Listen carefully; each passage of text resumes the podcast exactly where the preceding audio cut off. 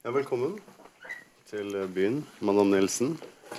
Eh, og velkommen til alle dere. Eh, nå skulle jeg til å hente fram alle bøkene, men så hadde jeg plutselig glemt eh, Har du glemt dem? Anne, Ane, hvis du kan få eh, informasjonen og den, ja. Også. Sånn. Eh, Eirik Bø heter jeg, kommer fra Pelikanen forlag. Eh, vi har i denne rekkefølgen fått vært så heldige å gi ut disse lekre bøkene. Eh, altså 'Den endeløse sommeren' og 'Invasjonen'. Og den siste som kom nå i vår, 'Det høyeste vesen' av eh, Madame Nielsen. Eh, så har vi vært så utrolig heldige også å få med oss litteraturprofessor Per Buvik, eh, som jo med sine titler 'Sjalusi' og 'Dekadanse', for å nevne et par, eh, dermed er mer eller mindre overkvalifisert for en eh, samtale Ja. med eh, madammen, som jo nettopp har eh, skrevet om, da spesielt i disse to romanene, 'Den store lidenskapen' og den eh, altoverskyggende og til dels altoppslukende og kanskje enda større grad altødeleggende innimellom kjærligheten. Og så Siden jeg bor i Stavanger og er vant til et eh, litteraturpublikum som uh, er i pensjonsalderen, så er det utrolig deilig å komme til Bergen hvor uh, de unge menneskene dukker opp. Men det er klart det er jo dere som er mottagelige og interessert i den store, altoppslukende kjærligheten. Det skulle være et passende publikum. Eh, jeg tror jeg da først skal sette ordet rett og slett over til, til Per Buvik, som eh, har et lite oppspark til eh, denne samtalen om Madame Nilsens bøker. Så da vil jeg bare si vær så god. Takk for det. Eh, jeg vil også si at eh, den eksklusive forsamling er Det er veldig hyggelig å se dere. Og det er veldig hyggelig at jeg får denne anledning til å snakke med Madame Nilsen, som er en forfatter som jeg setter svært høyt, og som representerer eh, noe helt unikt i eh, skandinavisk eh, samtidslitteratur. Men jeg tenkte jeg skulle starte et litt annet sted, samtidig som jeg holder fast ved det unike. Noen av dere vil jo vite at denne personen som sitter her, har skrevet noen bøker under et annet pseudonym. Og mm, det skal jeg komme litt tilbake til. Men dette at en eh, mann eh, tar et kvinnelig pseudonym som forfatter, det er ikke så vanlig som det var at kvinnelige forfattere tok mannlig pseudonym. Altså to av de eh, kvinnelige forfatterne som tok mannlig pseudonym Ja, tre kanskje kan nevne. Fem, faktisk. Altså alle søstrene Bronte med uh, Charlotte og Emily og Anne. Og uh, George Elliot, Georges Sand. De tok jo um, slike uh, mannlige pseudonymer av moralske grunner og konvensjonsgrunner. Det finnes andre mannlige forfattere som har tatt kvinnelige pseudonymer. Og siden eh, Madame Nielsen kommer fra Danmark, så vil jeg da bare assosiere til noen venner av Susanne Brøgger, som er aktualisert i, eh, i den store biografien av, eh, om Susanne Brøgger av Louise Søyten. Og det er disse bøkene om Emanuel, og som også er filmatisert som erotisk eh, litteratur. Der viser det seg at eh, forfatteren er en mann, men under et kvinnelig ja. pseudonym. Men det radikale med pseudonymet Madame Nielsen det er at den mannlige forfatteren bak pseudonymet ikke bare bekjentgjør pseudonymiseringen, men også i virkeligheten her antar en kvinnes forkledning.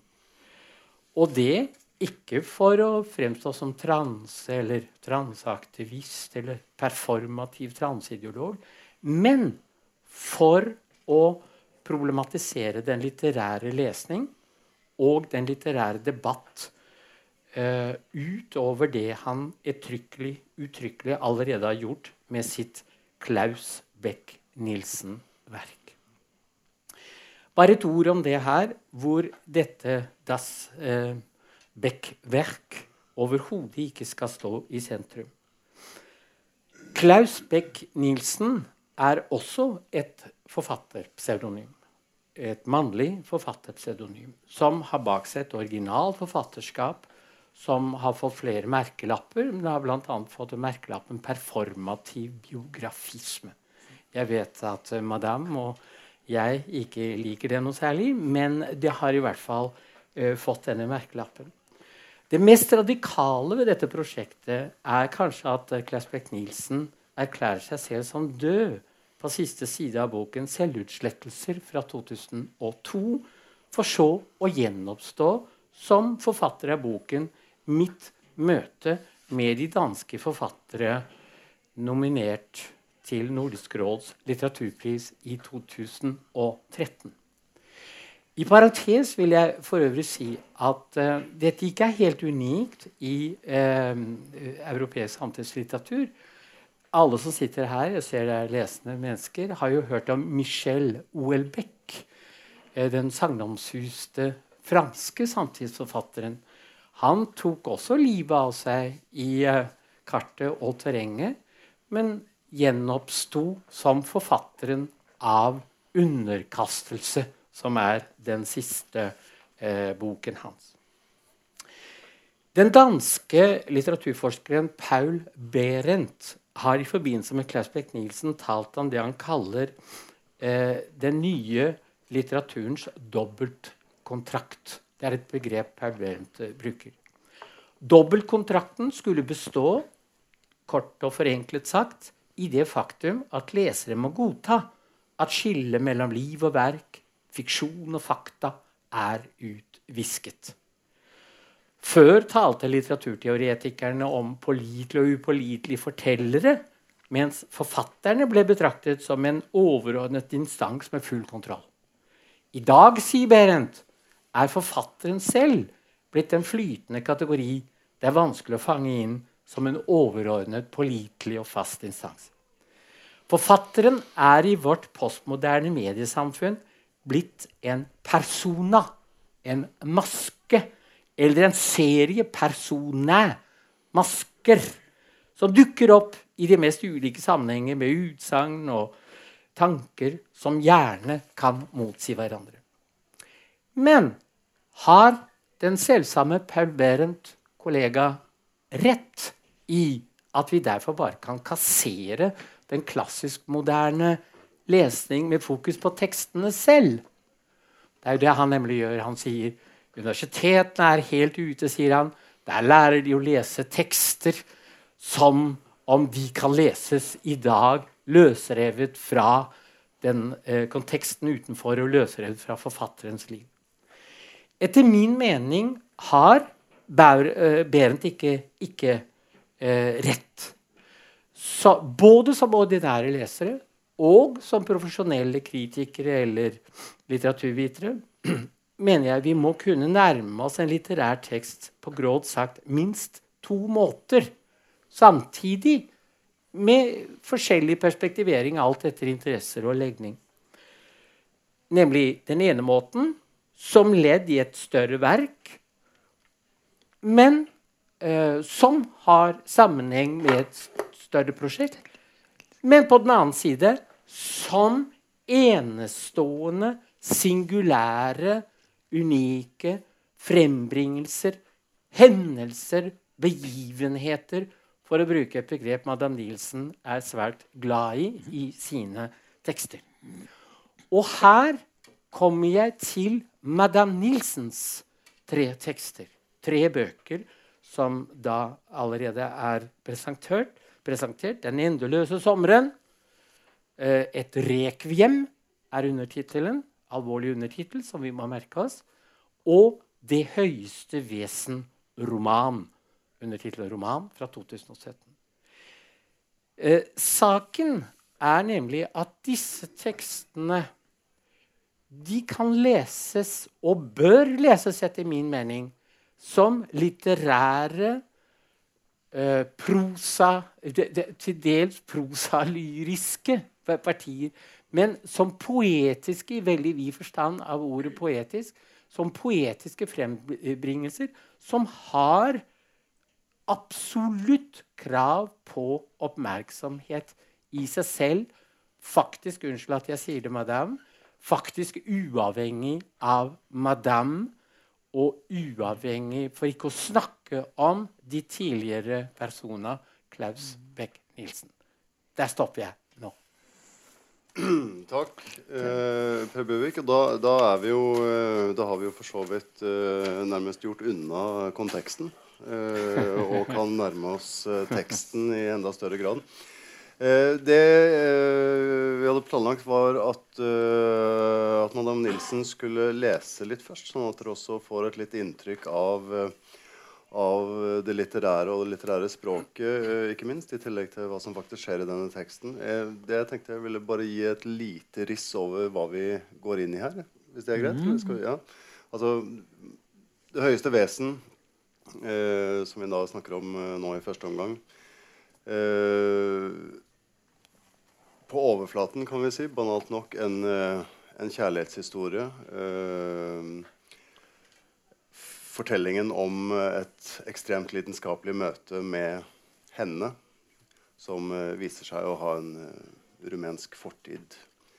og da lidenskapelig fortalt til dels til en Madame Nilsen også.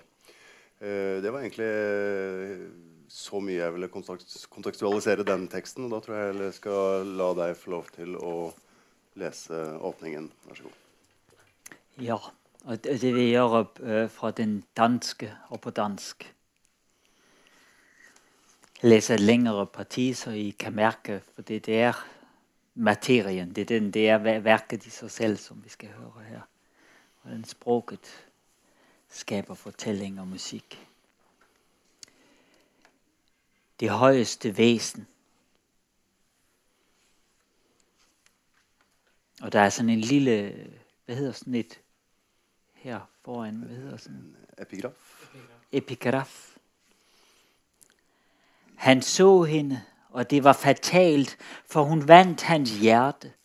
Og han ville omskape seg til en tyr og svømme med hende til øen og forene seg med hende og bli en stamfar til en helt ny kultur og en helt ny form for menneskelig væren. Det begynner med slutningen. Måske står der endda som det første 'The End', og derefter slutscenen. Mødet i gaden i nattelyset myldret af mennesker.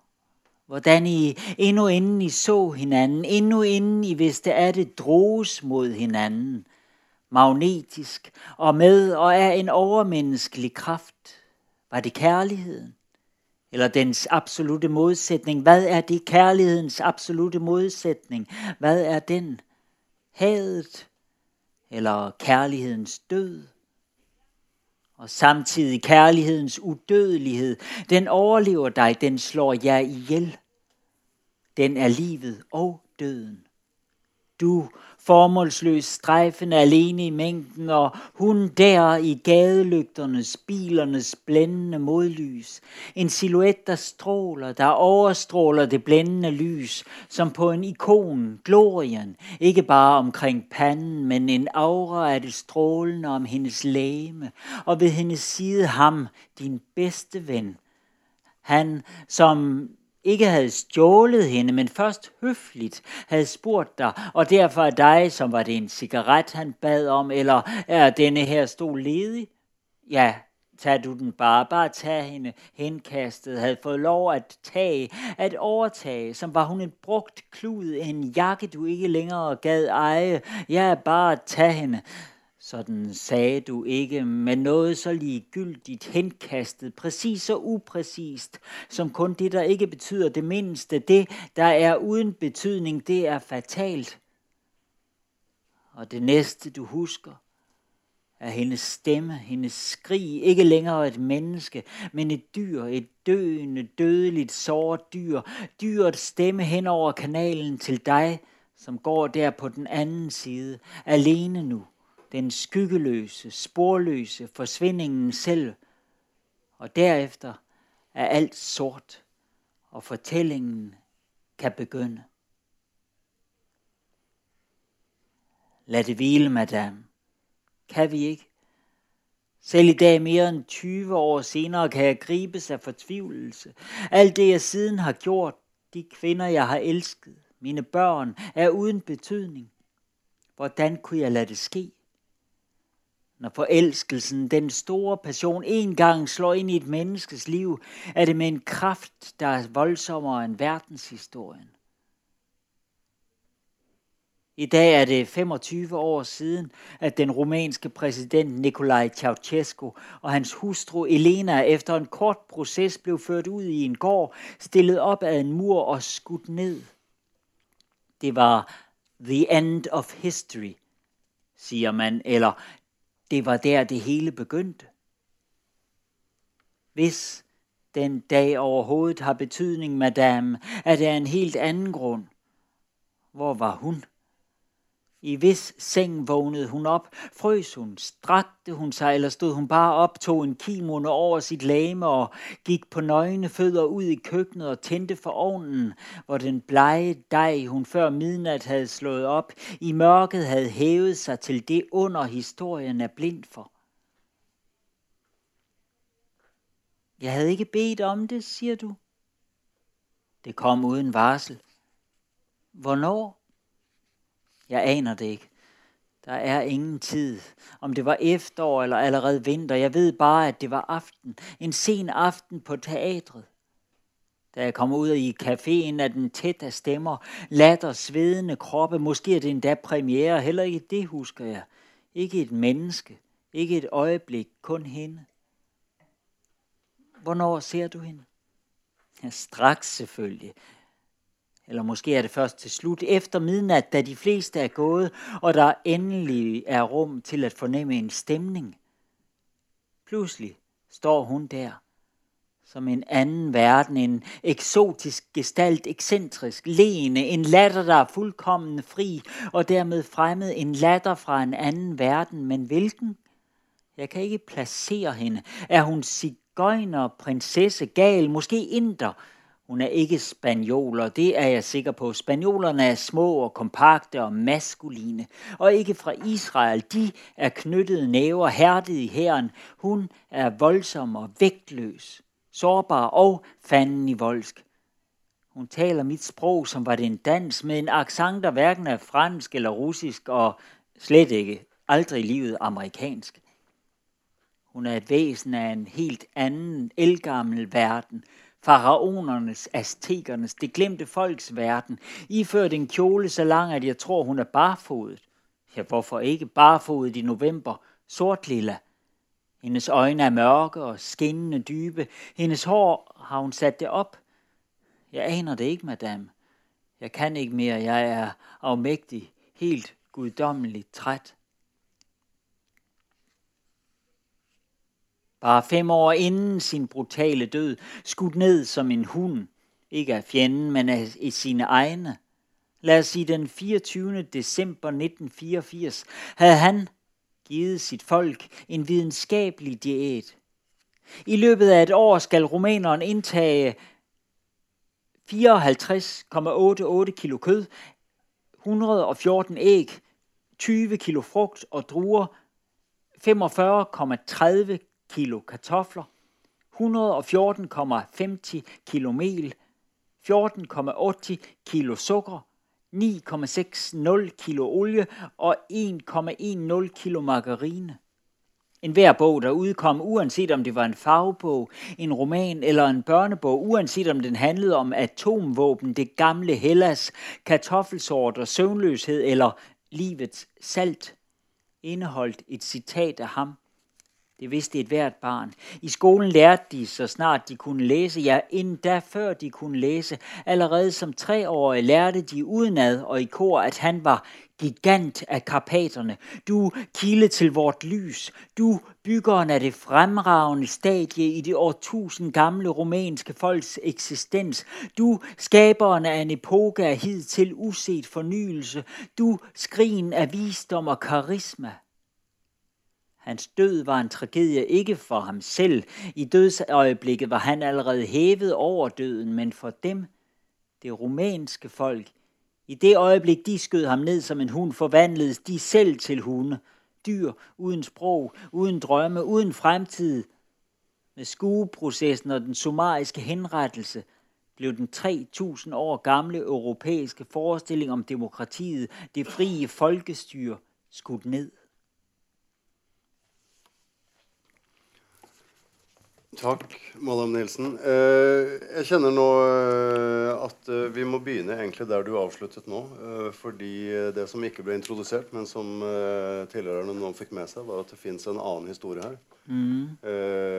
Det fins det fins den, store henne som det fatale møtet og lidenskapen, men det fins også i denne boken et han med stor H, som er Ceaucescu.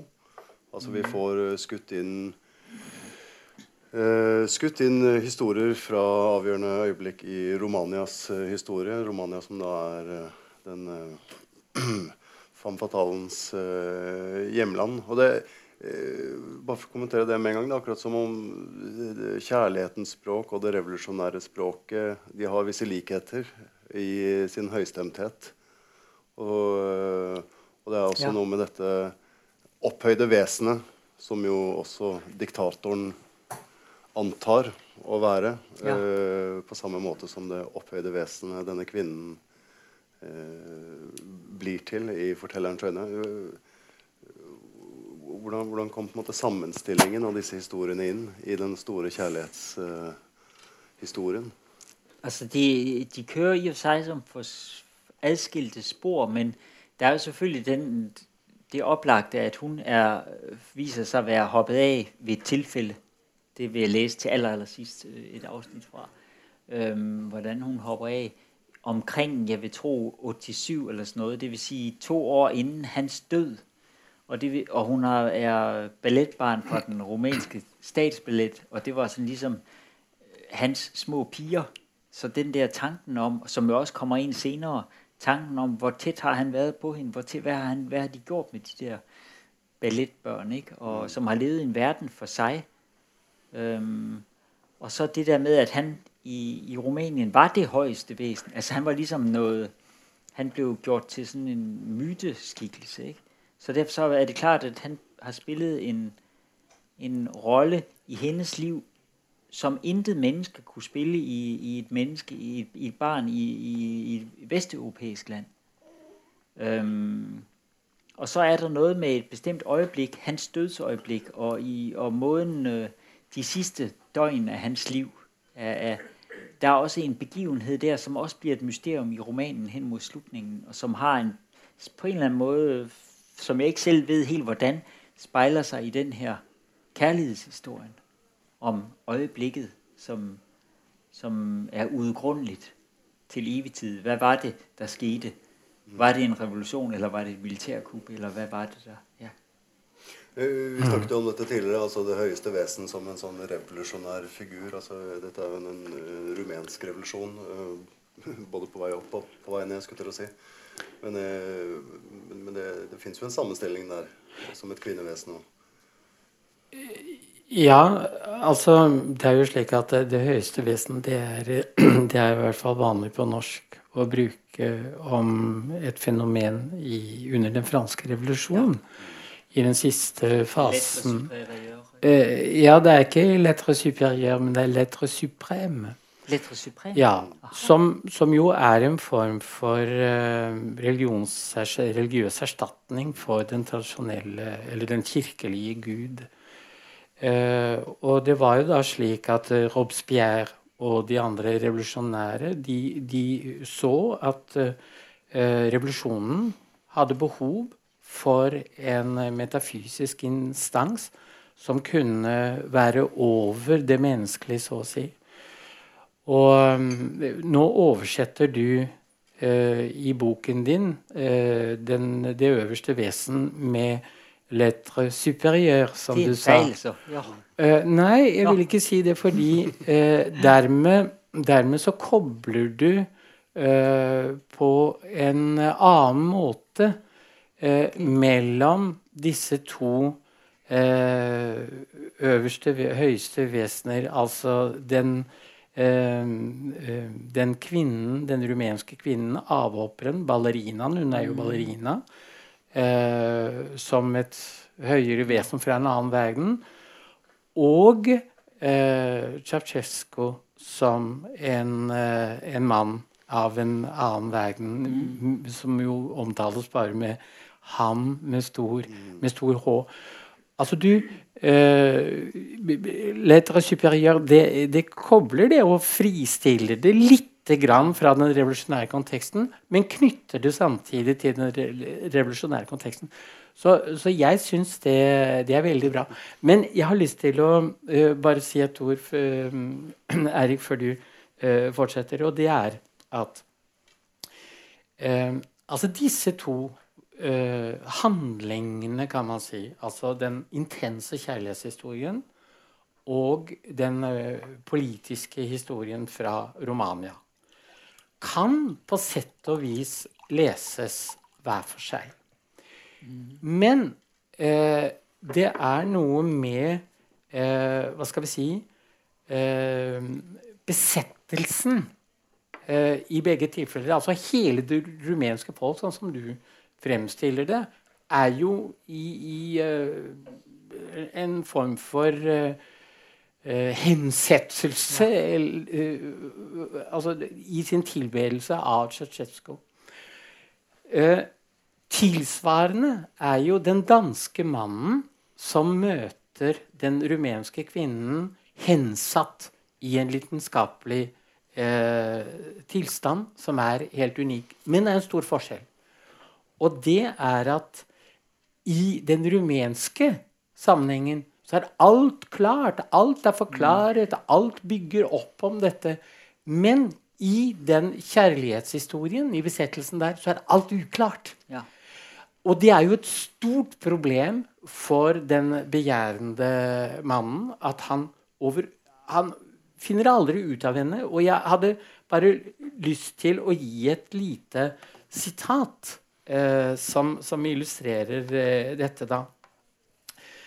Um, det står et sted, jeg tar det på norsk eh, den, eh, Det er altså deres første erotiske møte, kan man si. Den natten elsker dere endelig. Ja, endelig, eller kanskje altfor tidlig. Eller jeg forsøker å elske henne, men jeg kan ikke trenge inn. Hun er et språk jeg ikke kan fatte, uansett hvor mye jeg enn ønsker det, lengter og nennsomt forsiktig forsøker. Hun er der mellom hendene mine, men jeg kan ikke nå henne. Jeg resignerer, lukker øynene, glir ned i søvnen som i et vann jeg i det samme stiger opp gjennom. Jeg hører stemmen hennes nå bare som hvisken.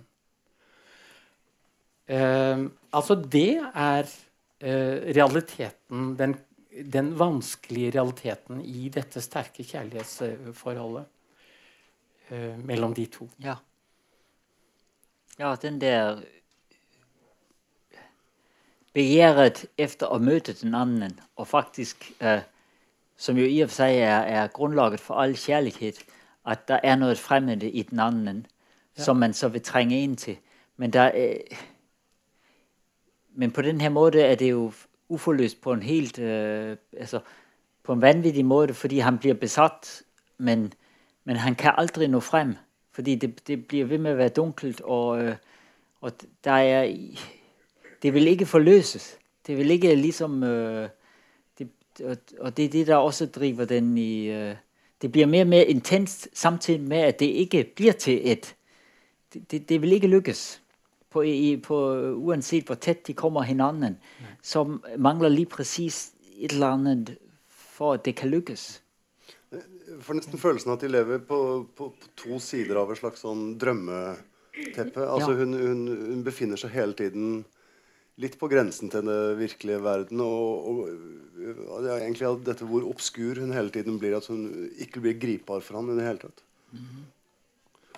Ja. Det er veldig skjebnesvangert, alt. Lidenskapen er veldig akkurat som for så vidt med, i, i tilfellet Ceaucescu. Men altså eh, en, eh, det er en ekstrem lidenskap, og, og, og kjærligheten er fatal hele tiden. Eh, er det sånn, Ja. du, sånn Ja. du opplever den? Ja, ja. Ja, det det er en øh, jeg, jeg vet ikke. Det- Jeg har, jeg har også, det mest præcise jeg kan sige om det, det er romanen. Så derfor så er det, men men det, er, det er et eller andet med, at, at en... Øh, at der ligger jo i det ønsket om at, at nå noget, som er større end en selv, som befrier en for en selv, men som jo også har den farlighed, at det også kan destruere, ikke bare sætte dig fri, men at det kan også være så voldsomt, at det ødelægger dig, og altså at du ikke makter det. Altså at det ødelegger at, at ja, ja, altså øh, ønsket om de store ting i livet, som er så store, at, de, at du er for, for liten til dem, på, på, på sett og vis, måske. Og fortelleren her tvinges jo til, til resignasjon. Ja, som i det tilfellet der, hvor i stedet for å forløses i det store, berømte, erotiske uh, møte, som litteraturen også er full av, men især vel film og, og, og myter. Og, men så i stedet for det, så er det liksom en, en underlig skuffelse i det, du leste der. Altså, der er sådan en... Jeg tenkte da du leste det, jeg hadde ikke tænkt på det før, så kom jeg til å tenke på det, der er sånn litt sånn en, en, en kvinne der doner. Altså, det der med å besvime det, det er en måte, et, et, et, et form for meget, meget øh, distingueret selvmord, som er midlertidig. At man, man når frem til noe, og så kan man besvime ut av det. For det er også en befrielse fra, fra det, det, som skal... Så kan jeg ikke gjøre noe. Jeg er besvimet. Dessverre. Jeg kan ingenting gøre. En fluktmulighet. Ja, ja, ja, ja. Vi- vi- Får jeg lov bare å, å si et par ord til om uh, kontrast og parallellitet mellom, Ja. mellom de to fortellingene? Altså, denne kjærlighetsfortellingen, det har jeg fortalt deg, eh, gir meg assosiasjoner til to surrealistiske tekster av eh, surrealist eh, eh, Hva skal vi si Nestor og ideolog nummer én, nemlig André Breton. Han eh, skrev en roman som heter eh, Naja, som er nettopp en eh, fremstilling av et sånt møte som du Du skildrer da på den kafeen etter teaterforestillingen. Altså, de ser hverandre, og uh, det skjer en uh, ja, Du kan si i, i begges liv en form for revolusjon. Eh, den andre rom, Det er ikke en roman, men den andre teksten av André Breton, surrealisten, den store surrealisten, den heter 'L'amour fou'. Altså den vanvittige kjærlighet. Det er ti år mellom disse to tekstene hos Breton. Begge er skrevet før siste verdenskrig. Eh, jeg spurte deg om du, eh, du hadde hva skal vi si, et forhold til disse de to tekstene, og du, du sa at nei, det, det har du ikke. Men eh, det betyr ingenting for mitt poeng. Og det er at det, det ligger altså André Bruton var jo veldig opptatt og surrealisten i det hele tatt var jo veldig opptatt av drømmen. Og, og møte. Altså det lidenskapelige møtet som forandrer alt. Og eh, i tilknytning til møtet, det er begivenheten som ikke kan forklares. Det kan ikke årsaksforklares. Det, eh, det, det er noe som skjer og forandrer eh, i mange tilfeller helt grunnleggende. Um, det, Og, og det er jo også, jeg vil lige indskyde, det er Ja. også sådan, at, at jeg har vidst i 20 år, at jeg skulle læse Nadia. Og jeg har ikke, jeg har en eller anden grund, jeg ved ikke, hvorfor jeg ikke er nået til det nei. Og øh, som jeg også sagde, det, der, at at det, at jeg ikke har læst dem, betyder ikke, at jeg ikke er påvirket af dem. Jeg kan vældig, fordi den tekst, de tekster der er jo vældig berømte. Og derfor så findes det sikkert de andre ting, og de findes i nogle ting, så på en måde, mm. så kan jeg sagtens være vældig påvirket af dem, nesten siterer dem, mm. uten å vite det. Altså, bare fordi det finnes mm. i noe jeg, jeg har også deler. Eh, litt- Litt m- m- mer om, om parallell og, og Ja. kontrast mellom de to historiene. Fordi det er jo slik at i kjærlighetsmøtet og dets konsekvenser, så er ingenting programmert. Altså Det som skjer, er at hun begynner å vente på ham hjemme, og han kommer hjem til henne etter teaterets slutt og etter å ha tatt en øl eller noe sånt noe, i, i uh, baren. Uh, det kan man si er Men det, er, det går mer på intuisjon fra mm. hennes side at dette vil skje, han vil komme, og det vil bli oss. Og han er også helt sikker på det. Men i den rumenske konteksten, i dyrkingen av ham, den store diktator, Ceaucescu, der er alt programmert. Ja. Der er folket gjennom alle de sangene de lærer på skolen, gjennom de, den ideologiske indoktrinering. Der er alt. Men det som Eh, og, og Ceaucescu eh, blir jo en slags gud og oppfatter seg nesten selv som en slags gud. Men så er det noe fatalt i begge tilfeller. Og det mener jeg er en tematikk i hele ditt forfatterskap som jeg syns er veldig spennende. Og det er forgjengeligheten. Altså eh, Kjærlighetsmøtet fører til masse Eh, problematiske, ekstatiske, av og til frustrerende eh, opplevelser. Det tar slutt. Eh, uten at det egentlig gis noen forklaring på det utover det at det er for vanskelig for, for de to. Uh, hun kommer fra et annet land. Hun kommer fra eventyr, står det. Mm. Uh, hennes kjønnsidentitet er faktisk flytende og, og, diffus. Det står et sted Er det en kvinne? Er det en jente? Er det en gutt? Er det uh, Hvem er hun? Og hun selv sier eh, et, et, sted Vi er fra eventyret, og vi er fra Hans og Grete. Kjenner du ikke det eventyret? sier hun til en i baren. Og så sier en full mann der, en full danske, så sier han Skål, Grete. Nei, det er han som er Grete. Eh, jeg er hans, sier hun. Så alt er, er diffust. Men det som, eh, det som, skjer, er at eh, det av grunner vi skal se litt nærmere på det etterpå, kanskje, eh, er at det tar slutt. I Ceaucescos tilfelle så, eh, så er det også eh, Altså, han har gudelignende status. Men det må jo være noe som foregår bak hans rygg.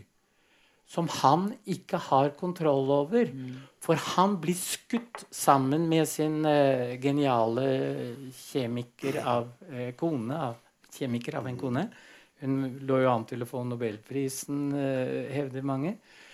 Um, blir skutt. Og, og, jeg husker jo veldig godt Jeg så dette på, på, fjernsyn. De ble skutt, som du sier, som, mm. som hunder.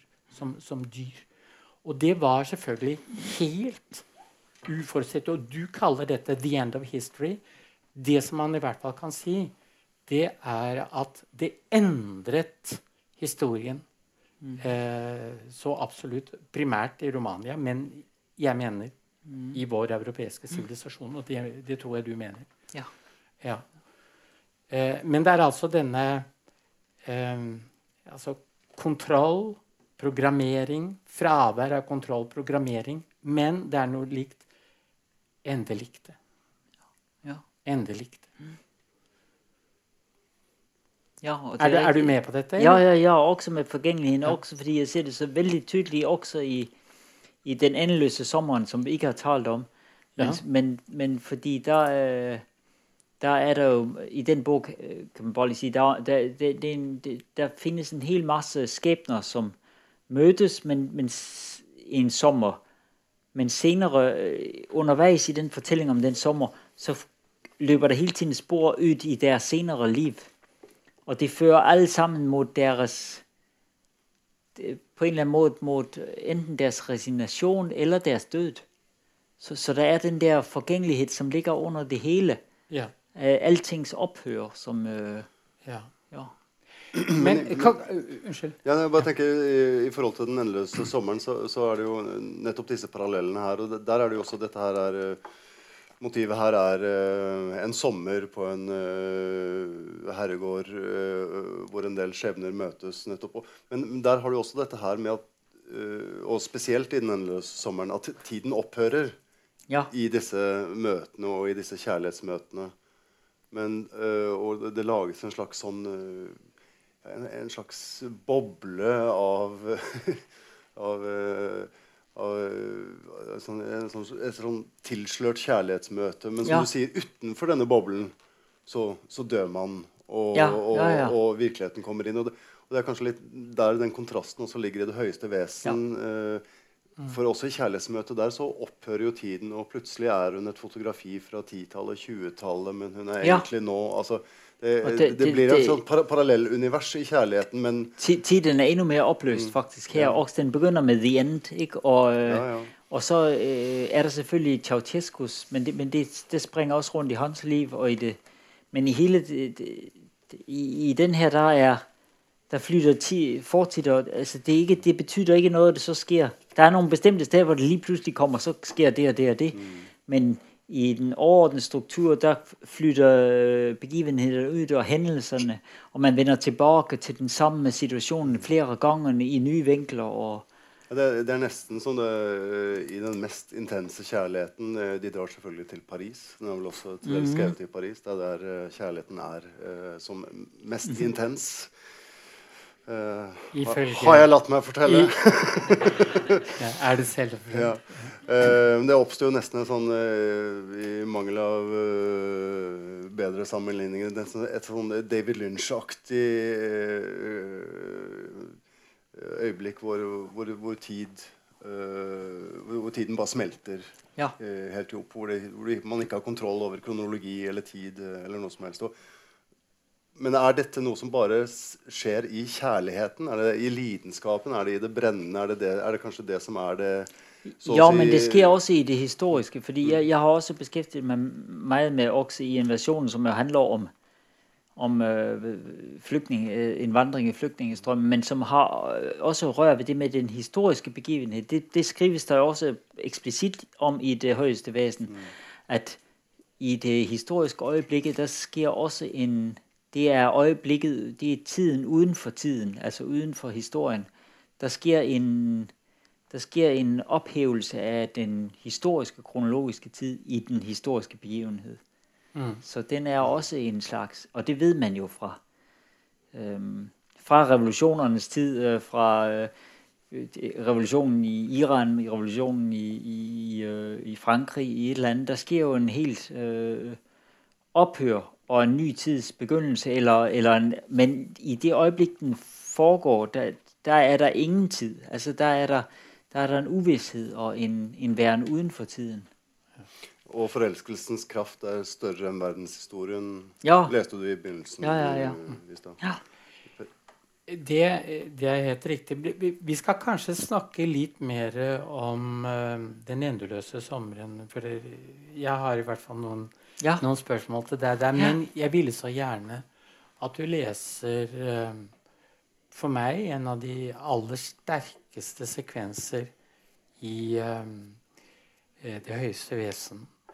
Nemlig Det er jo slik at han uh, Den elskende mann han makter ikke dette lenger. Han går ut han, han fly, Først flykter hun fra ham. Han innhenter henne. Så flykter han fra henne. Og mye tyder på at uh, i hans fantasi, det minste, foregår en animalisering av henne. Han forsøker, Hun blir en rev. Mm. Hun dukker opp som en rev. Er det en hallusinasjon, eller hva er det? Hun skraper på døren hans og vil inn. Han slipper henne ikke inn, for han våger ikke. Han er, han er livende redd. Og så Og han er både redd for Kelly, men også for volden, som, som du også ja, fordi, påpegde. Ja, fordi i sin avmakt så er han faktisk eh, blitt eh, tendensielt, i det minste også reelt, mm. eh, voldelig. Og han er redd for hvem som skal dø, hvem som blir drept. Ja. Han er redd for sin egen eh, voldelighet. Mm. Og han flykter fra dette. Men da skjer jo det som ofte skjer. Nemlig at da er hun som mest besatt av å få ham. Ja. Og hun oppsøker eh, hans beste venn eh, for å få hans nye adresse, eller hans oppholdsadresse. og mm, det som da skjer, eh, det kan skje i virkeligheten også, det vet vi, eh, det er at det oppstår en relasjon mellom denne vennen og henne. Som, hvor han nærmest blir en sub... Altså, vennen, vennen er det nærmeste hun Ja, kan komme ham. ja. Og så det Og så skjer da det en dag at han, altså den elskede mannen opprinnelig, møter vennen med henne. Og det er det jeg vil du skal lese Ja. til slutt. Altså alt foregår plutselig i slow motion. Jeg vil lige sige, at, at der på det her tidspunkt, der er... Er, er der lyd på meg her? Øhm, der er... Der er denne gang er han ikke besvimet, men der er han rejst væk. Først op i et hus ude på landet, og derefter ned, øh, ned igennem Europa, og øh, han har været helt i, i St. Petersborg, og, øh, og, og har ligesom, som han selv skriver, lavet en bevægelse, som ligner sådan et kors. Øh, først ned gennem Europa, så østpå. Øhm, og så til sidst, så vender han tilbage og stiger af på hovedbanegården. Nej, det er faktisk inden der, ja det ved jeg ikke, men det, det er også tiderne forsvinder ud og ind. Ja. Så i hvert fald stiger han af på hovedbanegården og går gennem byen sådan en sommernat, hvor, som også vi sikkert kender heroppe fra, en af de der, som egentlig ikke er mulige heroppe nordpå, men hvor det lige pludselig er helt fantastisk varmt, og hvor hele byen om natten går ligesom amok i en slags varmeberuselse. Jamen, er det ord, lad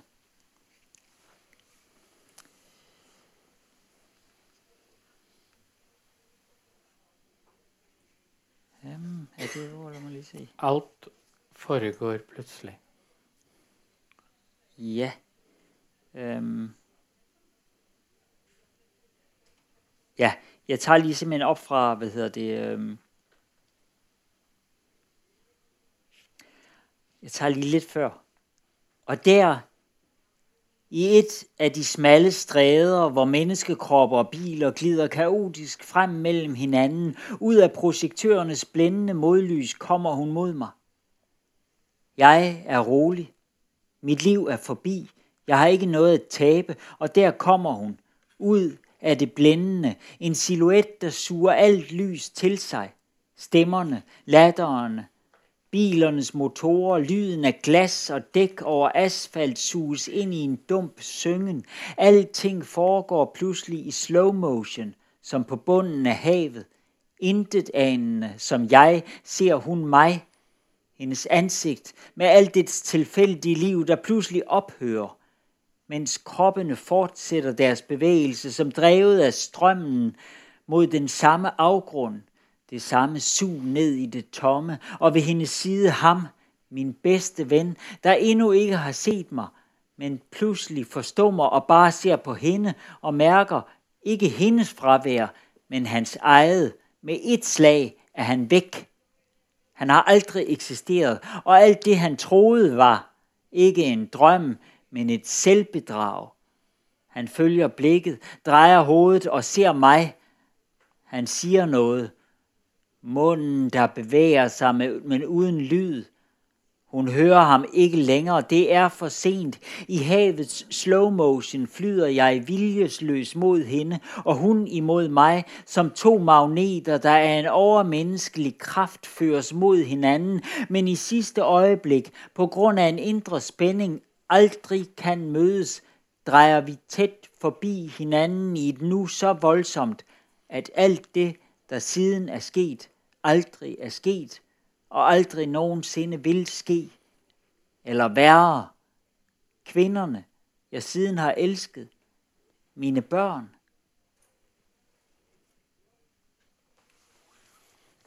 Og så er du jo tilbake til begynnelsen Ja, av romanen. Til begynnelsen, som er the end. Slutten. ja, The end, ja. Ja. Uh, uh, før vi snakker oss vekk fra det, nå, nå, nå har du lest opp flere ganger. Vi må snakke litt om språk uh, og, og stilnivå også, syns jeg. For som tilhørerne her hører, så er jo er jo disse bøkene, og, og, og denne skrevet i, i, det du selv, eh, når vi har jobbet med oversettelsen, har kalt de, de, altså, de lange setningers uh, poesi, og innimellom i en uh, Ja, eller eufori. Eller, hva Eller si? eufori, kanskje, her, ja. Eh, eh, og må nevne også Knut Johansen, som har eh, gjort en veldig god jobb med de norske oversettelsene og får dette til å flyte. eh, Ja, ofte ja. punktumfritt, eh, som det kan være i lange passasjer. Så lurer jeg på, er, det, er dette eh, er dette stilnivået, er dette språket, er det, er det knyttet til ja, nærmere, som du sier, det euforiske, er det, ligger det i, eh, i tematikken? eh, Spesielt da i disse to romanene 'Den endeløse sommeren' og 'Det høyeste vesen'. Er det, er det ansporet av, av disse kjærlighetsmøtene? Eller er det, er det kanskje dette flytende, som det også er? Altså det flytende tidsbegrepet og nærmest bokstavelig talt de flytende Ja. setningene? Ja, det, det tror jeg henger mye sammen. Og der er også et forsøk på Jeg er meget optaget af det med sætningen. Altså sætningerne. Og jeg ved godt, at korte sætninger kan også have noget. Men der er et eller andet utopisk i altså den der længsel mod med en sætning, i en sætning, at begribe alt. At, at, at uh, sætningen som et eller andet, en, en lasso, eller sådan en, en tråd, man kaster ud, som skal for, for, for ligesom samlet alting. Hele verden, mm. kærligheden, eller det, man er ude efter. Og så forsøger man det, og så øh, lykkes man næsten, og så må man gøre endnu et kast. og det er det, de, jeg gør, og som selvfølgelig har forbindelser til, til sådan noget med, med Marcel Proust, og sådan noget, men det findes på mange måder, og, og, og jeg er interesseret i at, at, at udvikle, få sætninger til at gøre ting, som sætninger aldrig har gjort før. Ja, I det det- danske sprog, men måske også i det hele taget, ja. Ja, det, det er, for det er jo veldig, det er veldig få eh, gode sammenligninger å dra da, språklig med andre samtidige forfattere. Altså, du snakker om det danske språk. Jeg, jeg tenker innimellom på Uh, Kirkegård uh, på sitt mest uh, estetiske. Men, men ja ham har jeg aldri lest. Nei, det- ja, eh, nå, eh, det må jeg gjøre. Tilfeldigvis uh, Kirkegård-oversetteren som har oversatt dine bøker òg. Men, Ja. men, eh, men det er jo, det, det er jo veldig Altså det, det er jo veldig unikt å komme med dette stilnivået i, eh, på 2000-tallet. Ja, ja. Ja, det, det, men det, det ligger jeg også, også det anakronistiske i det. At det. Og da mener jeg virkelig anakronistisk, ikke som noe der er gammeldags, men noe der er utenfor mm. for tiden, som ikke er tidstypisk eller noe der. Du må jo være svært glad for at um, Eirik trekker dette, Ja, ja, dette det er det. Eh, så lei som du er av den performative biografismen Ja, ja. og, Das Beck-verk, og denne insisteringen på, på tekstenes at- poetiske kvalitet, det må, et, jo være, et, jo selv- må jo være herlig. Ja, og, og jeg. Ved, jeg ved jo også, at det ikke er noe der ble kommet påduttet meg udenfor, fordi jeg vet jeg var en av de første i, i, sånn i Skandinavien, som gik inn på det der felt, som utløste Jeg vet at, at Paul Beeren har jo skrevet sin bok ut fra de ting, jeg har gjort, Ja, ja. og Jon Horter, som har skrevet om, liksom oppfunnet det der performative biografisme, det der fryktelig grimme ord, som han også selv vet er grimt. Men jeg har selv satt det i gang også. Men, men, men øh, jeg, jeg er sånn en, som gjerne vil bevæge meg, flytte meg. fordi det, det, det der, så det, jeg kan ikke, jeg vil gerne væk, fordi der er nogle andre ting, som det, nogle ting, det ikke får fat i. Og så det er derfor, jeg, at det, som er vigtigere for mig nu. Det blir en selvforskyldt Groucho Marx. Uh, altså, I don't, I don't want to be a member of a club that wants me as a member. Yes, Ja. exactly, yes. Men eh, jeg har lyst til bare å, å nevne noe i forbindelse Spesielt eh, i forbindelse med, med den eh, endeløse sommeren.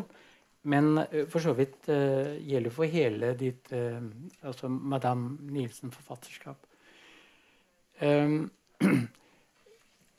og det er denne dette veldig fine spenningsforholdet mellom hva jeg ville kalle intellektualitet og emosjonalitet. Eller affektivitet. Altså i det intellektuelle register ligger jo på mange måter den historiske skildringen av uh, Ceaucescu Mm. og, og, og det rumenske. Eh, men eh, det intellektuelle ligger også f.eks. i alle dine referanser og allusjoner. Du har jo avvist at du skulle ha noen spesielle allusjoner eller referanser til Breton, og det spiller ingen rolle. Men eh, i eh, Den endeløse sommeren så dukker det opp Calderon, 'Livet en drøm', Shakespeare, det stoff drømmer er laget av, 'The Tempest'. Um, det er eh, fra Macbeth, 'The Sound and the Fury'. Ikke sant? 'The Story Told by an Idiot'. Eh, ikke sant? Du har eh, stengt inne som en albertin. Det er, det er prost. Det det er, du har referanser til Agamben, til Baudrillard. Altså, det er et helt og Du har massevis av metalitterære kommentarer. Du kommenterer hvordan eh, fortellingen blir til, osv. Uh, du har refleksjon over kunst. Og i den sammenhengen så er det et aspekt ved, ved ditt verk som jeg er opptatt av uh, i forbindelse med alle verk som, har, som gjøres til gjenstand for analyse, fordi analyser har en tendens til å gjøre det altfor gravalvorlig. Og det er aspektet humor. Altså F.eks. I, uh, i denne endeløse sommeren så har du jo mange satiriske partier hvor du latterliggjør eh, kunstnere en sped. Du latterliggjør eh, en som prøver å skrive som, eh, som Plath og, og Dickinson osv. Og du, du latterliggjør en del sånne nede i, i Portugal i, i den endeløse sommeren. Du, du, har en satire over nordiske kvinner som finner seg søreuropeiske menn og drar dem hjem til Norge. Så, så, nei, til uh, Skandinavia så lenge det varer, osv. Altså det er, uh, det, dette er et aspekt, eller aspekter ved ditt verk som jeg, jeg syns er vel verdt å, å, å, nevne og trekke frem. da. Og det, det er vel nok Ja, spesielt, spesielt ja. I, uh, det, i den endeløse sommer. Ja. Og det, det var en mulighet som jo ikke Det er jo ikke liksom noe man kan beslutte seg for, men det er noe der finnes i den fortellerstemme. Fordi fortellerstemmen i uh, fortelleren i Den endeløse sommer er, er en olympisk forteller og er suveren. På den måte hun Hun har liksom Den måte hun forteller alle de her menneskeskæbner, fletter dem inn og ut av hinanden, også litt med en stor passion, men samtidig også med litt sånn en virtuositet, og den der pinsethed, man tager øh, sommerfugle med og sætter dem ind i, uh, den er flot, ikke? Og den er død. og øh, altså, den der, øh, og det er noget, der ligger i, og som ikke har noget at gøre med, det er ikke en, vi er ikke interesseret i den latterliggørelse, som, hvor man ikke risikerer sig selv, men Nej. det er en, øh, en latterliggørelse, som også gør en selv latterlig, som i og for sig mere er, Mm. det er ikke den letkøbte, men det er den latterlighed, som ligger i, at vi alle sammen skal dø. At på den måde der, at ingenting er øh, hævet over at være komisk. Fordi mennesket, mennesker er rørende og latterlige. Mm.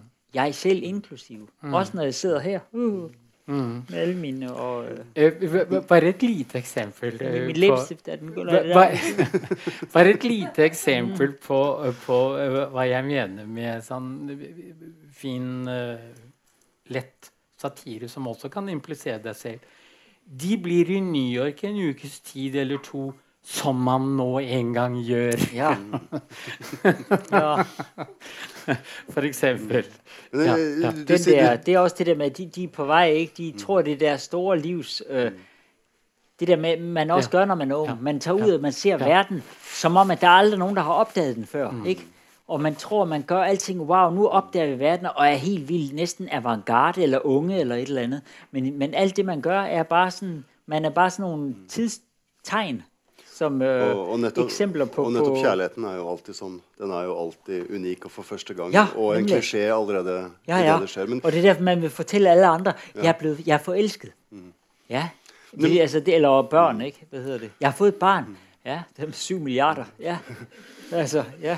Du sier, du sier at, det, at eh, det, satiren eh, måte ligger i fortellerstemmen. Så da, da tenker jeg spesielt kanskje på 'Den endeløse sommeren'. Nesten eh, allerede eksemplifisert i, i, i posituren på, på, På bildet, på omslagsbildet. For det, det, er jo, det er jo noe med, med, liksom, med den store person, som jo er sterk og til dels latterlig på en gang. Og du får nesten følelsen noen ganger at fortelleren går litt sånn. Eh, I den endeløse sommeren ja, mens, mens hun forteller. Altså, altså det, er, ja, det finnes jo en poserer latter... lidt, Ja, ikke? sant? Det, det, jeg tror, jeg har tenkt Det meget, positur, samtidig som lidenskapen jo er Jeg tror, jeg, Dødsalvorlig. da, jeg begynte å bli eldre og, øh, og ikke var helt ung mer, og kan merke at jeg snart skal dø, så tenkte jeg noen ganger at og ikke med en, også med en vis glæde, at nu begyndte jeg at have den alder, hvor jeg faktisk begyndte at ligne Karen Bliksen med syfilis i tredje stadium. Det der tidspunkt, hvor hun kun levede af champagne og østers. Og jeg tænkte, det er kraftet med klasse. At, og jeg, jeg er ikke stor, jeg er ikke nogen, jeg elsker hendes Afrikabøger. Alle dem, hvor hun, og hendes breve er fantastisk, men jeg bryder mig ikke så meget om hendes fortællinger. De er sådan for, øh, de er for kitschede til mig. Men hvad hedder det? Hendes person, der har der aldrig været i Danmark. Nu er det også Susanne Brygger. Men, men kvinner med en sånn stil, altså, og, som til intet gør alle mennene. ikke? Og tenk, det er også derfor, så øh, overtog jeg min det er alle sammen Klovgard-søstrenes Josefine Klovgard, Sofie Melle Klovgards tøj, og så også min egen, øh, min søns mors tøj, jeg går i. Um, fordi at jeg tænkte, jeg vil hellere være en gammel kvinne end en ældre mand. Men der ligger jo også ironien i alderdommen, at, eh, at alderdommen er androgyn. At alle eldre kvinner og menn ligner på hverandre. Gør de det? Ja, jeg syns det. Ja. Den er kjø kjønnsoppløsende. Men, men jeg har lagt merke til, at, at kvinnene de er mye mer åndsfriske, og de lever lenger. Så det passer meg veldig fint å være en ja, det, er, det er en skumlere ironi. Men, men det, vi nærmer oss kanskje slutten, men, men Nei, vi skal bare men, men, jeg, men jeg har en to-tre små uh, Ja, men øh, kommentarer. Siden du nå er, siden du nå er eh, inne på, på det kvinnelige Altså um, det, er, det er jo interessant at uh, du sitter der som Madame Nielsen. Eh, forfatteren Madame Nielsen står også nevnt på omslaget på bøkene. Men det er ikke Madame Nielsen som forteller disse historiene. Altså, det er en I, eh, i, i, den, uh, I den endeløse sommeren er det vel? Nei. Nei, det er det. Nei, det er en, uh, det er en, det er en deltakende kvinne ja. Ja. i denne eh, konstellasjonen av Ja. mennesker ute, ute på landet. Oppe, Som så bare er oppe på det her på. Jylland. Ja, I, i, ikke sant? ja det Og det er den besatte jeg mannlige jeg-person som forteller historien i uh, Det høyeste vesen Ja, til det det. Madame Nielsen, som av og til kommer med noen kommentarer.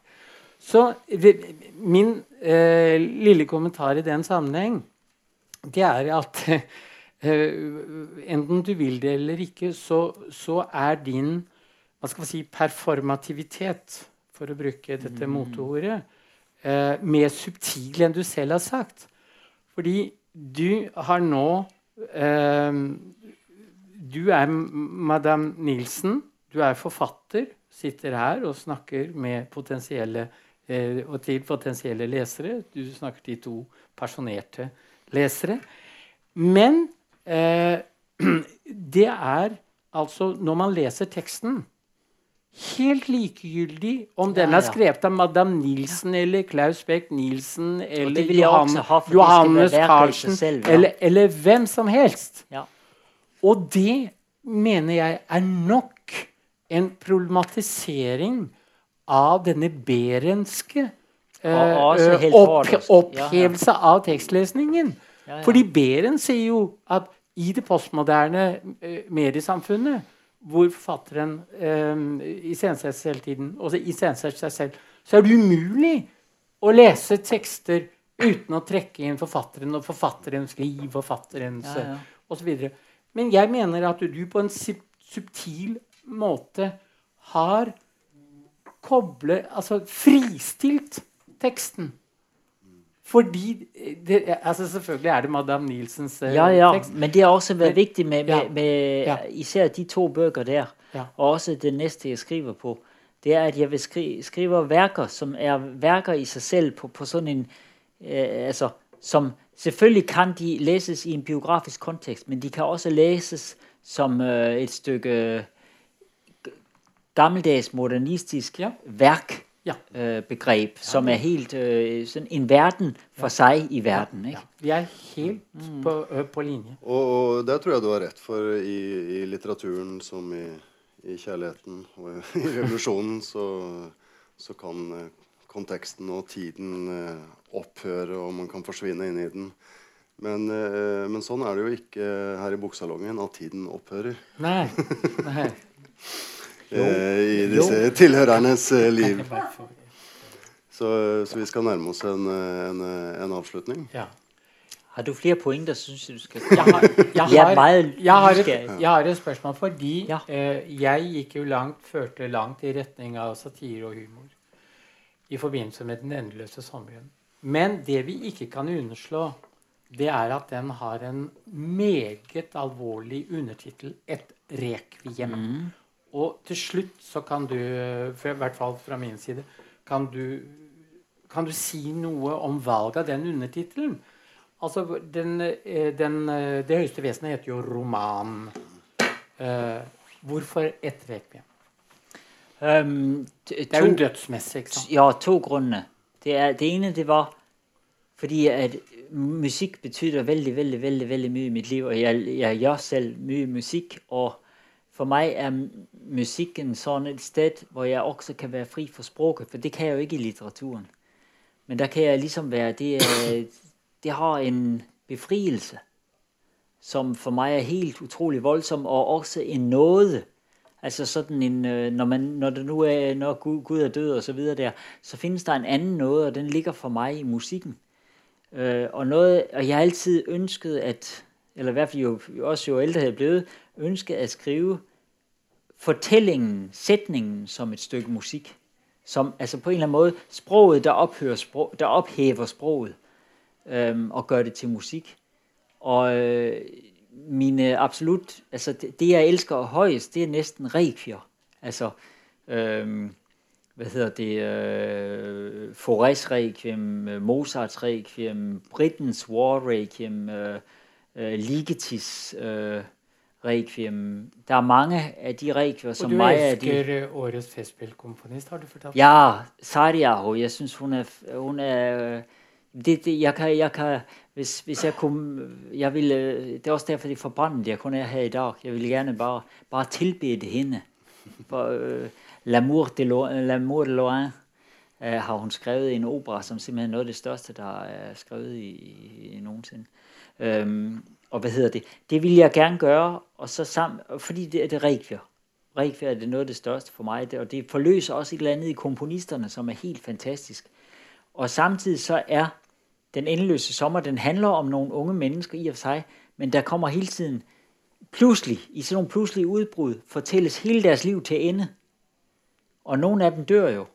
Og det er den der, og, det, og den slutter jo faktisk med en af de, der er en dreng i den der, øh, i den endeløse sommer, som den unge Lars, den danske Lars, som er den ideelle unge mand, som ikke er ham, der øh, senere bliver kvinden, der fortæller historien, men er den her, der findes nogle af de her mennesker, som ligesom alt er muligt. Man kan se, at de rummer alverdens talenter, og de kan blive til hvad som helst, og de er charmerende, og de er endda sympatiske. De er det hele, og man ved, at det for dem, det kan, det kan lykkes perfekt på 100 forskellige måder.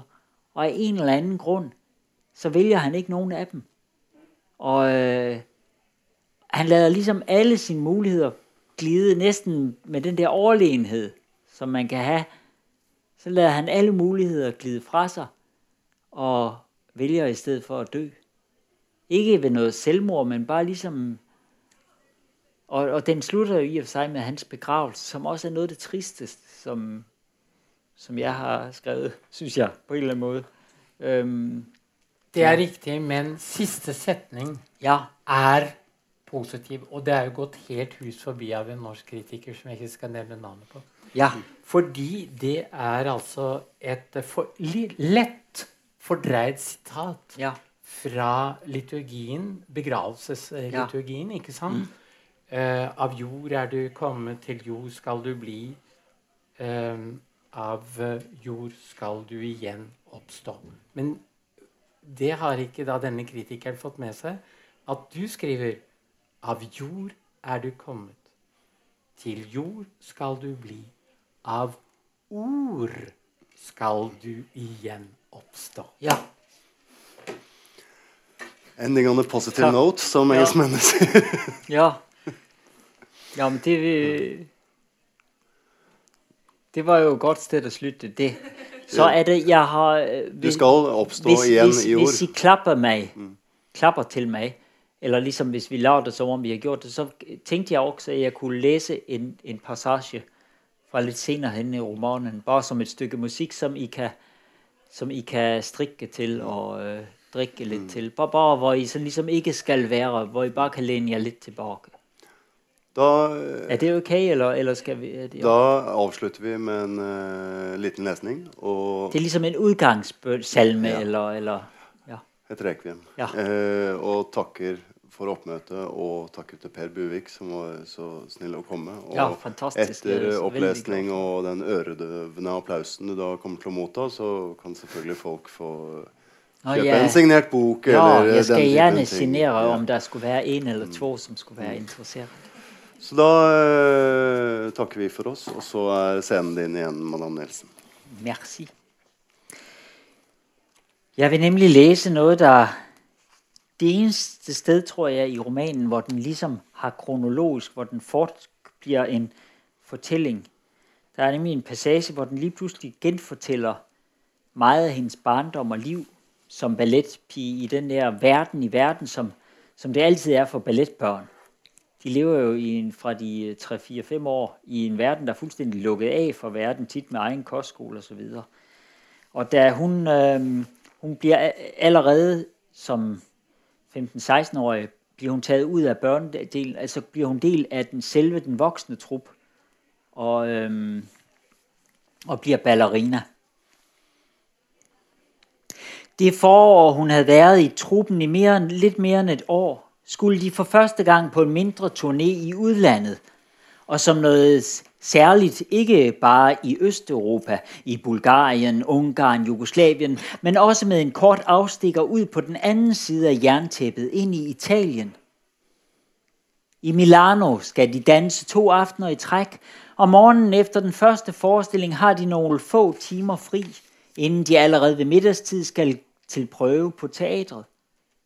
Men i stedet for at sætte sig ind i den bus, de italienske værter har lejet til en rundfart til byens seværdigheder, beslutter nogle af de lidt ældre piger i truppen at bede om lov til i stedet at gå sig en tur i den vidunderlige norditalienske majsol. Og meget mod deres forventninger, uden tvivl mod reglerne, får de lov, og hun følger med. På vejen kommer de tilfældigt forbi et posthus, og da hun på hotellet har skrevet et postkort til sin mor hjemme i Bukarest, og har det med i sin lille håndtaske, siger hun, «Vend vent lige til den nærmeste pige, og løber over gaden og ind på posthuset. Og det er først, da hun står i køen af lokaler og venter på at nå frem til lugen med postembedsmanden, der skal sælge hende et frimærke, at det går op for hende, at ingen af de to sekuritate-vagter, der har fulgt med dem ud i byen, og som sammen med de øvrige vagter, de er med på turnéen, har været omkring dem, uanset hvor de gik eller stod, også i Ungarn, Bulgarien og Jugoslavien, er fulgt med ind. For første gang i de to uger turnéen hidtil har varet, er hun alene. Hun ved ikke, hvad hun skal gøre, om det er deres skyld eller hendes, og hvem der vil få straffen. Hun tænker, at hun må løbe ud i en fart, men hun bliver bare stående i køen, der langsomt bevæger hende frem til lugen, hvor hun beder om et frimærke og får det og betaler og klistrer det på sit kort og afleverer det. Da hun kommer ud, ser hun sig om, Men alle, både pigerne og de to sekuritatevagter, er væk. I det samme kommer en taxi forbi, og hun løfter armen, og den stanser, og hun sætter sig ind på bagsædet. Chaufføren vender sig om og ser spørgende på hende, og det går op for hende, at hun ikke ved navnet på hotellet, de bor på. I stedet siger hun det første ord, der falder hende ind, øh, øh, aeroport. Og da ordet lyder næsten ens på fransk og italiensk, nikker chaufføren og gasser op og kører afsted. Hun har ikke noget med sig, bortset fra den lille håndtaske, som nærmest bare er til pynt, og ikke indeholder andet end en læbestift, et håndspejl, en serviet, hendes pas og de få næsten værdiløse 10.000 lire sædler, de hver især har fået udleveret i lommepenge, men som hun, bortset fra frimærket, endnu ikke har haft lejlighed til at bruge. Ikke så meget som et tørklæde eller et sjæl har hun, bare sin korte nederdel, sommerblusen og sandalerne, hun har på. Da de efter næsten en times kørsel endelig stanser foran indgangen til lufthavnen, rækker hun chaufføren de få 10.000 lire sædler, men i stedet for at tage imod dem, ser han bare undrende på hende, ryster på hovedet og banner, og så pludselig ler han og løfter hænderne i en opgivende gestus og læner sig over og åbner bagdøren og gør tegn til, at hun skal stige ud. Inde i lufthavnsterminalen stanser hun under det store skilt, der viser de mange afgange. Som en slags refleks søger hun efter Bukaresti, men det er ingen steder at se. Der står Parigi og Londra og Monaco di Bavaria og, og som en af de øverste destinationer Copenhagen. Hun kommer i tanke om, at hendes mors bedste venindes ældste søn, som hun har mødt et par gange, da hun var yngre, har fået asyl og hvis nok bor i Copenhagen, eller i hvert fald i Sverige. Hun går hen til flyselskabets skranke og beder om en billet til Copenhagen og tager sit pas op af håndtasken og lægger det på disken. Da hun skal betale, åbner hun håndtasken og tager de få liresedler ud og viser resten af indholdet. Det er alt, hvad hun har, siger hun. Først på fransk, så på engelsk, men kvinden forstår ingenting. Hun kalder på en mandlig kollega. Han kommer hen og står bare og ser udtryksløst på hende, mens han lytter til kollegaens korte forklaring. Så tager han hendes pas, vender det, drejer det, bladrer lidt i det, læner sig frem og skæver ned over disken mod nederdelen, de bare ben og sandalerne. Så retter han sig op, ryster på hovedet. Nå, nå, siger han. Nå. Hun smiler til ham. Nå, siger han og ser sig omkring i afgangshallen. Så folder han hurtigt billetten sammen og lægger den ind i passet og gør tegn til, at hun skal se at komme afsted. Ved ankomsten i København bliver hun tilbageholdt i paskontrollen. Betjenten, som i modsætning til italienerne forstår engelsk, spørger, how the hell hun er kommet til Danmark, København uden visum. Hun købte bare en billet, siger hun, og viste sit pas og gik ombord på flyet i Milano. Bloody Italians, siger betjenten og beder hende følge med. Der er tre betjente om afhøringen. Den ene en kvinde. De er venlige, og hun forklarer dem, at hendes mors bedste venindes søn, altså min fætter, siger hun, bor et sted i København. Hun skal besøge ham, siger hun. Ja, hvor? Hun har ikke den præcise adresse, men hun beder om et stykke papir og skriver hans navn og siger, at hvis de bare kan hjælpe hende med at finde ham, så skal han nok tage sig af hende. I løbet af nogle timer får betjenten, betjentene kontakt til denne fætter. Han kommer ud til lufthavnen i en taxa, som det danske politi betaler. Da han ser hende, er han tydeligvis overrasket. Han kender hende godt, siger han. Hun er ikke hans kusine, hun er bare øh, datter af en af hans mors veninder. Han vil da gerne hjælpe hende, men han kan ikke have hende boende. Han har en dansk kone og to små børn, og lejligheden, de bor i, er bare en toværelses. Cliffhanger. You just have to buy the book, and I'll sign it.